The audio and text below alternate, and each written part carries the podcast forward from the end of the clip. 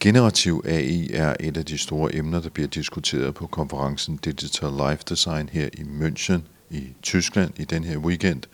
Og det er her, jeg befinder mig, og jeg har fundet en af de helt centrale aktører i den debat, nemlig professor Bjørn Ommer, der har lavet Stable Diffusion, der er en billedgenerator baseret på kunstig intelligens.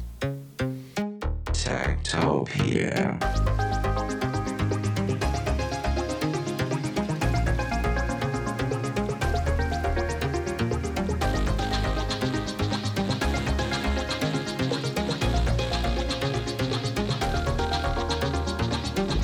Tektopia er en ugenlig podcast om mennesker og deres teknologi, udgivet af Ingeniørforeningen IDA i samarbejde med Teknologiens Mediehus, støttet af .dk, IDA Forsikring og Messecenter Herning.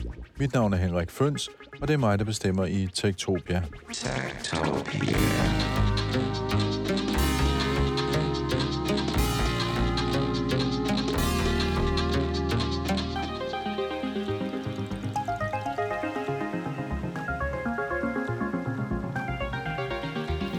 Det kan godt være, at du aldrig har hørt om professor Bjørn Ommer fra Ludwig Maximilian Universitetet her i München, men øh, det kommer du til nu, fordi han er en af de vigtige personer inden for generativ AI. Han er nemlig manden bag den øh, service, der hedder Stable Diffusion, der er en billedgenerator, ligesom den, der hedder DALL-E eller Midjourney, som begge to er amerikanske. DALL-E, den er lavet af OpenAI.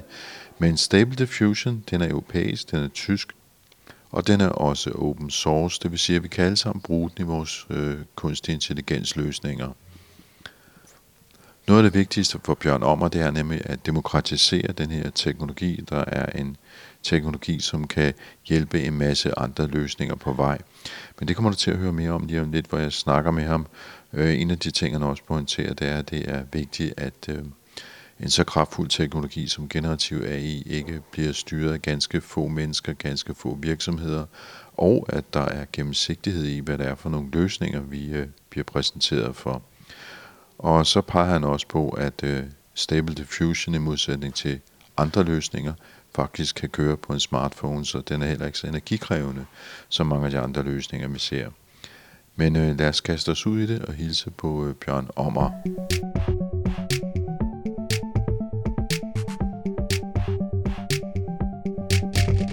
Generative AI in general is um, aiming at machine learning algorithms, artificial intelligence, to put it more broadly, that allows human users to just type what they want to see, to ask the machine questions, and have the computer answer these commands in natural language.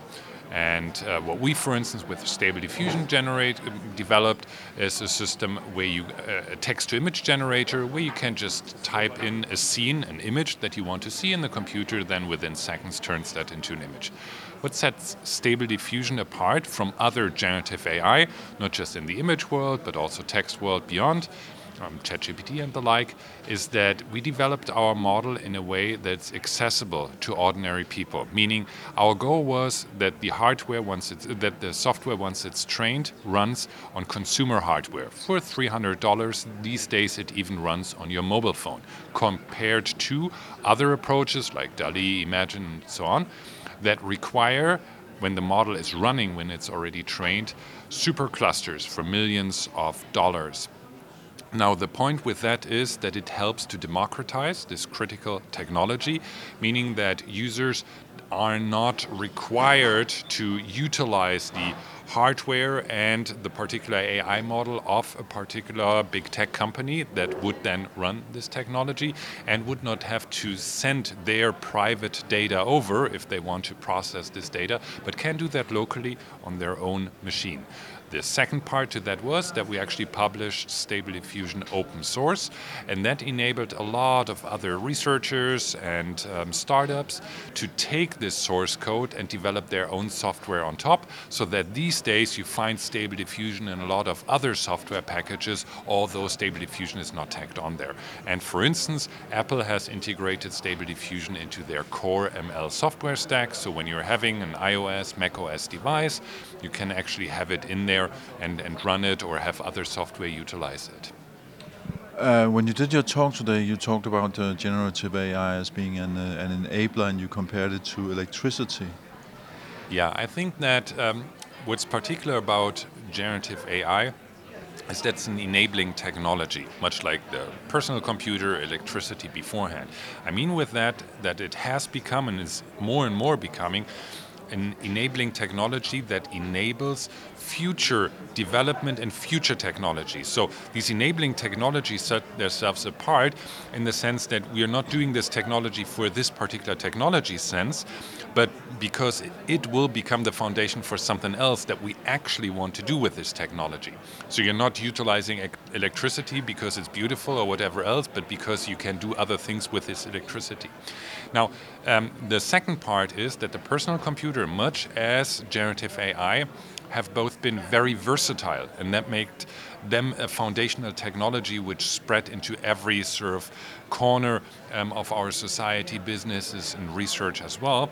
And the last part is that generative AI actually is special in the sense that it allows you to do the things that you've been doing with the computer all along, but much more effectively and much more easy. And that explains why we had this rapid permeation of this technology into all of society. Because it did not mean that you need to buy a new device, that you need to learn a new language, learn learn a new uh, driver's license for a new car or whatever else. You do the things that you've been doing on the computer so far, but they become easier.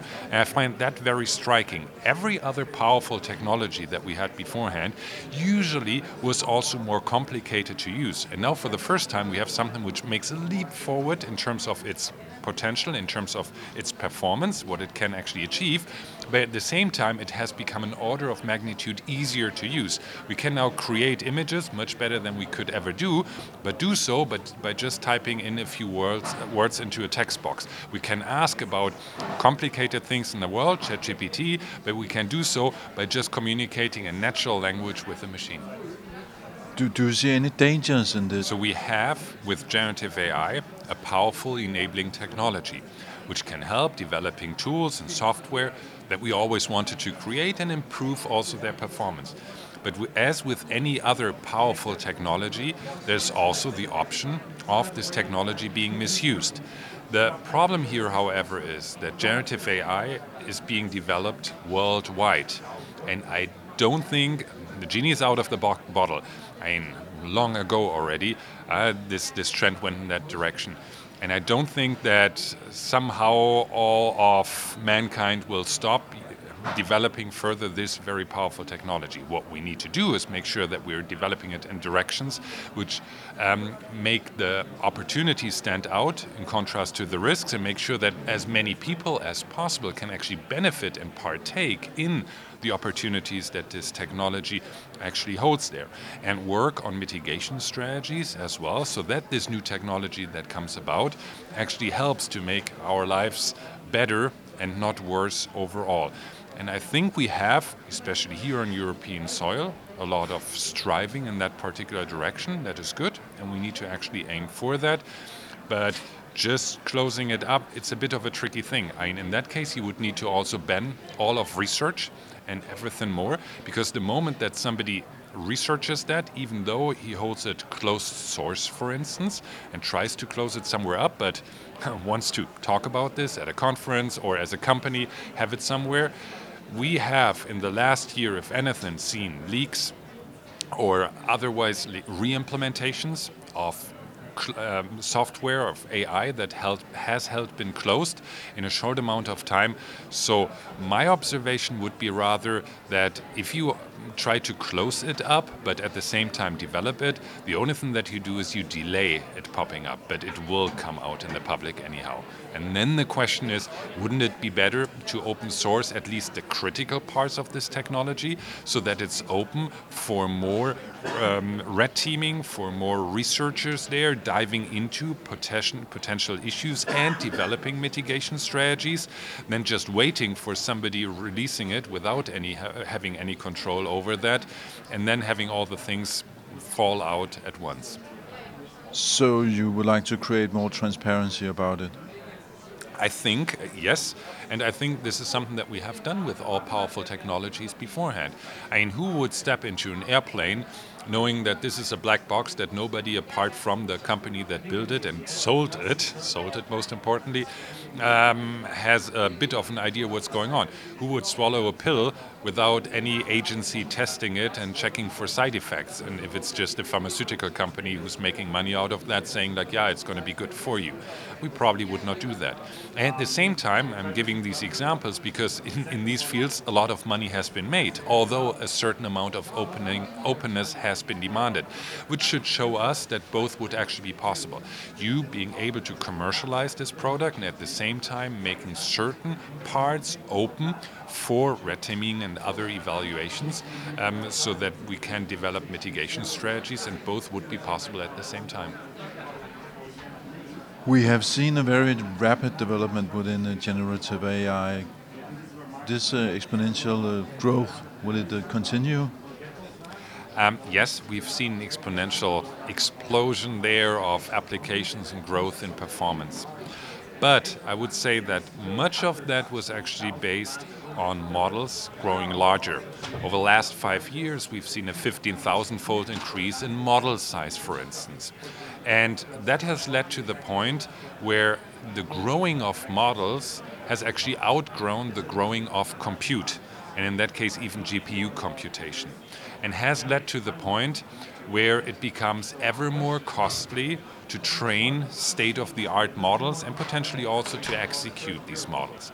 Um, first, were usual users um, were out of the business, then research labs, but now we're at the point where even the most highly valued and the richest companies also sense that training in particular, but also inference, is not for free. And even though they're worth billions of dollars, it is, even for them, a costly enterprise.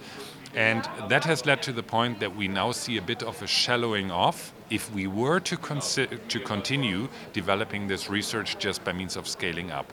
But I'm with that by no means saying that generative AI is now coming to a halt.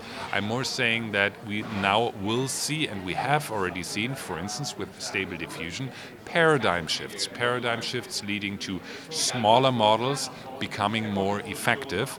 And I believe that that is one direction, apart from others, which will make sure that we're getting out of this shallowing off. But again, it will be a bit of a reset, reset in, in that case involving then different technology. How, how can a smaller model be more effective? So let's take the example of stable diffusion, for instance. If you want to render images, for sure you can make the model larger, invest more parameters, and it will be able to store more intricacies of our world in these more parameters that it has. And we were wondering, like, how can you make a smaller model more effective? Your question in particular. And um, we observed that the world is rich in structure. But when you look at local details and you want to render um, a dog's fur, for instance, a dog with its, uh, its beautiful fur there, um, you care about the texture of the fur, you care about the color of the fur, and probably whether it's long or short haired. But what you don't care about is where each individual hair on this dog's fur is pointing at. And you care about the average length and, and color and so on, but not each individual hair. And we then figured out that you can go for more classical approaches, convolutional neural networks, which have a so-called inductive bias by their receptive field operating a little bit more local. And they are very effective means to represent locally how fur looks like. And then you can have a more powerful model, diffusion model in our case, which is able to um, capture long-range interactions, the holy grail, if you so want, of generative AI, and capture these long-range interactions that build the shape, have this emergent form of a dog standing there, and it has four, four legs and a tail that it's wiggling with, and whatever else it has, all this geometry, and have the powerful likelihood model concentrate on that. Because so far, people have just used this one-size-fits-all architecture, a transformer, a diffusion model, and thrown this on the pixel but it's getting confused with all of the local details. It, it, essentially does not see the, the forest for all these individual trees that there are. And by going for this two-stage approach, we were, for instance, able in that case to reduce the complexity so that these powerful models can concentrate on what they're good at, learning context, and the other architecture can filter out local details. I guess that is one example amongst many where we can take existing problems, where we see a bit of a shallowing off there in performance gain, and make them much more effective and set this up for the next sort of exponential growth that we will see. If we should look at this in a sort of like um, society perspective, you had some concerns that you uh, that you talked about today. Yeah, generative AI, much as many other powerful technologies, evidently also come with risks when you apply them. But my observation is that many of the risks that we're seeing there are actually risks that we had beforehand just being magnified. So the new technology actually acting as a magnification glass for issues that we had beforehand and essentially homework that we haven't had made or solved beforehand, issues that we hadn't resolved beforehand. If you, for instance, consider work, which is one consideration, right, um, that this uh, technology will be very powerful, and this question like, um, will it now take over all the work of average human beings? Um, then my observation would be that uh, much of the things that are actually automized are things where the employees beforehand actually did inhumane work, if you so want. Work where their personal qualifications actually didn't really matter. You can replace them by somebody else. Where the particular data or the particular task that they're dealing with didn't really matter. You could like swap that for something else that would also be good. But even more importantly, where it was all about speed, where it was all about creating massive volumes in short amount of time, and the outcome itself was somewhat inconsequential. In these situations, you've turned human labor, human workers essentially into a machine. Because let's face it, when do they do their job best? When they behave like a machine. Super fast, high volumes, where it's indistinguishable whether you do the work or I do the work, yeah, where we have standardized their outcome. But that's not what a genuine human being is actually made for, what's actually sort of up for. And my hope would be that we could concentrate on more humane work and make humans do human work where their genuine capabilities actually really stand out rather than turning human beings into machines. And the point there being if we turn human beings into machines, it's just a matter of time before we have a machine actually replace that work. But I guess the mistake was much beforehand. You also talked about um, identifying uh, points in in a crowd. I believe you said like uh, things that people disagree about are more um, easy to, to, to find in a data set. Yeah.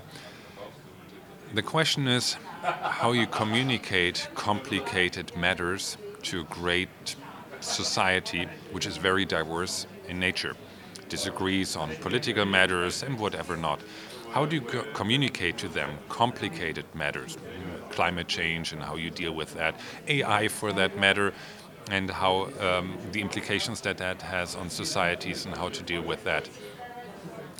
And that is a very tricky thing to um, engage large parts of society and cater in a one-size-fits-all strategy, which, let's face it, I mean, that's what media is about. Like if we, from the rec, communicate in the same manner to large parts of the society, it's hard to actually deal with complicated matters which led to the point where oversimplification wins. And um, to make matters more concrete here, for 20 years or so, we had data science actually go into the field of communication and the media and analyze the users, the listeners to your podcast and whatever else, and see what would be their trigger points and how to best communicate. And it turns out if you want to address larger parts of a society, the easiest thing is not finding the things that actually bind them together, but the things that actually divide them over. And that's what data science has been particularly great at finding those tipping points, these critical points, where you can actually separate certain parts of the society from another and with that create a lot of attention. Now, my point here would be that generative AI allows us to deliver information um, in a much more personal manner, picking people up where they actually stand, and that being a possibility, then to uh, transport also very complicated situations in nuanced way by essentially getting everybody where they have been standing so far and then uh, informing them. That doesn't mean that you will change anybody's mind or whatever else, and how dare you, you would be doing that, but at least being able to transport complicated messages over rather than having to scream louder and go for even more um, divisive topics to actually engage with a larger part of society. And there I see, besides all issues that AI also has in the field of media and communication, I also see new opportunities. But couldn't you use uh, the, the, technology for the, the, the, quite opposite, like uh, uh, amplifying disagreement and, uh, for instance, uh, when it comes to elections and fake news and so on? Yeah, that's why I said um, I mean, this is happening already, right? I mean, th this was the easier part, and we've seen, if anything, with the Nancy Pelosi fakes and similar things, this, this Nancy Pelosi slow fake, that you don't need much of a generative AI for that. Now you can just run a video slower, and um, if, if you have a certain sort of divisive topic already, you you give people the food that they're actually looking for and they will devour it and you will just amplify what they were up for anyhow. My point here being in the more challenging parts where it's harder to actually communicate, where you need a little bit more of a subtle communication. There, this is particularly helpful. Sure, I mean, this technology is, has been, is presently also utilized in this field, but I still see more leverage in the more nuanced communication because for, for this easier, like divisive topics, um, you probably need less this complicated, this more complicated and, and balanced approach than in the other situations. There, loud screaming has helped already quite a bit. Uh, you, you, mentioned earlier that that you see quite a, an opportunity for European companies. Um, how do you see the AI Act in this um, in this uh, fashion? I guess we all know about the potential that AI has, and um, with that come challenges and risks. In uh, on European soil, we have agreed, I guess for good, that we want to make sure that this technology is the, for the benefit of the people, and we want to uh, keep the risks in balance. Um, the question is just striking the right balance there between the two things. And with a technology that is still fairly new, which is constantly developing, the question was always uh, what checks and balances do you build in? What do you consider as being a high risk technology, and how do you then deal with that? Because at the same time, it's a worldwide development. Companies here on European soil are in competition with international companies as well. You want to make sure that you that a startup doesn't require more lawyers than it requires developers. Um, and at the same time, you want to make sure that you're not creating a messy future that none of us actually wants to have. Striking the right balance there is a tricky thing. The European AI Act has now very recently sort of made um, a large step forward in all its negotiations.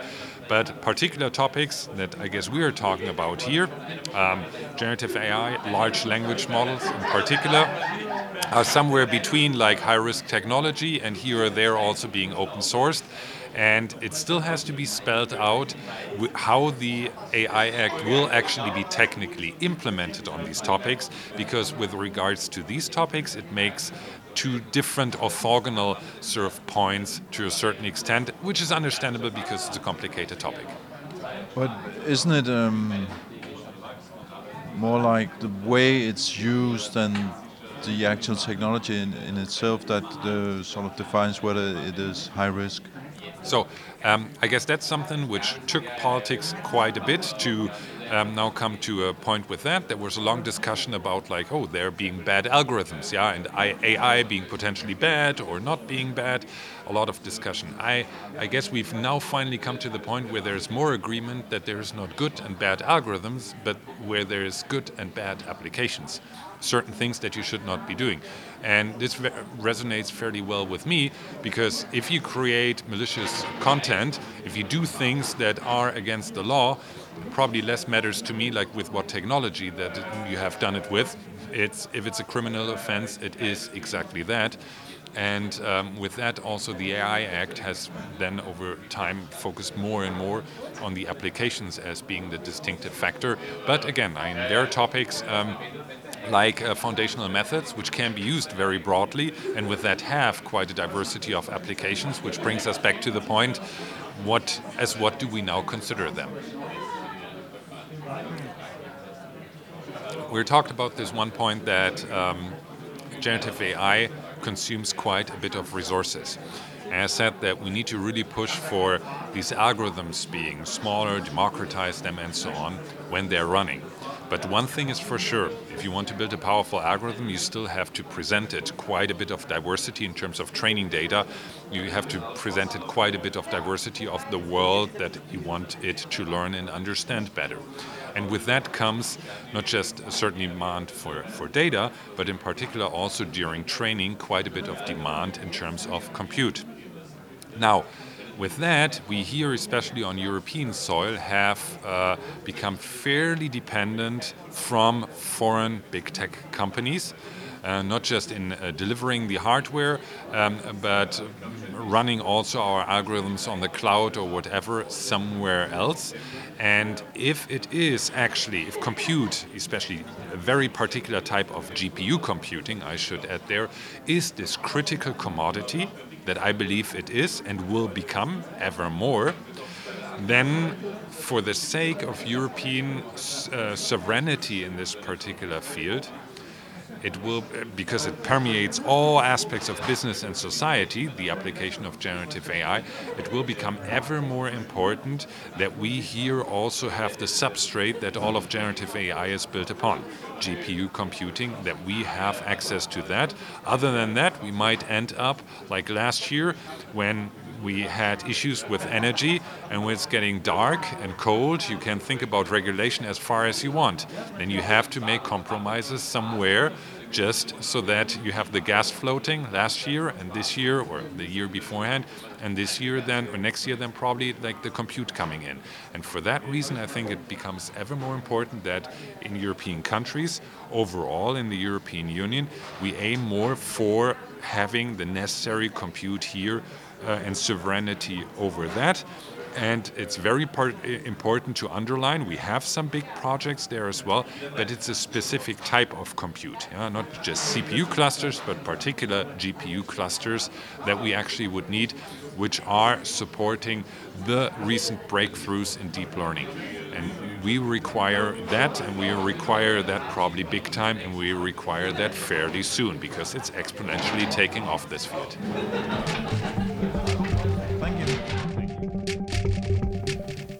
Ja, og her hørte du altså professor Bjørn Ommer fra Ludwig Maximilian øh, Universitetet her i München, og han er som sagt øh, en af folkene bag Stable Diffusion, en øh, open source AI-billedgenerator.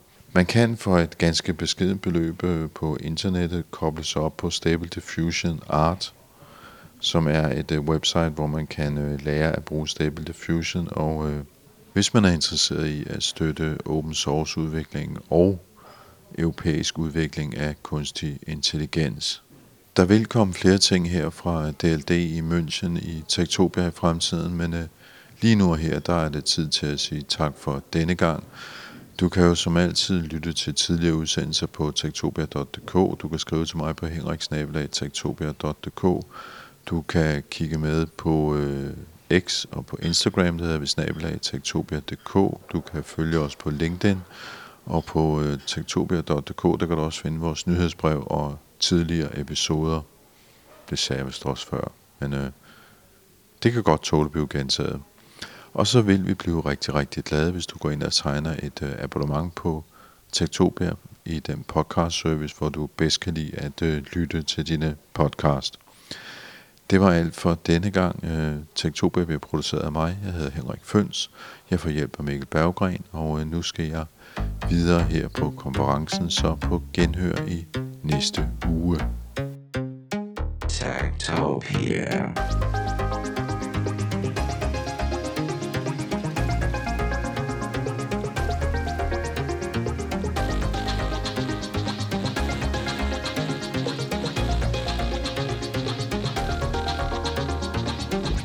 Tektopia er en ugen podcast om mennesker og deres teknologi, udgivet af Ingeniørforeningen IDA i samarbejde med Teknologiens Mediehus, støttet af .dk, IDA Forsikring og Messecenter Herning. Mit navn er Henrik Føns, og det er mig, der bestemmer i Tektopia. Tektopia.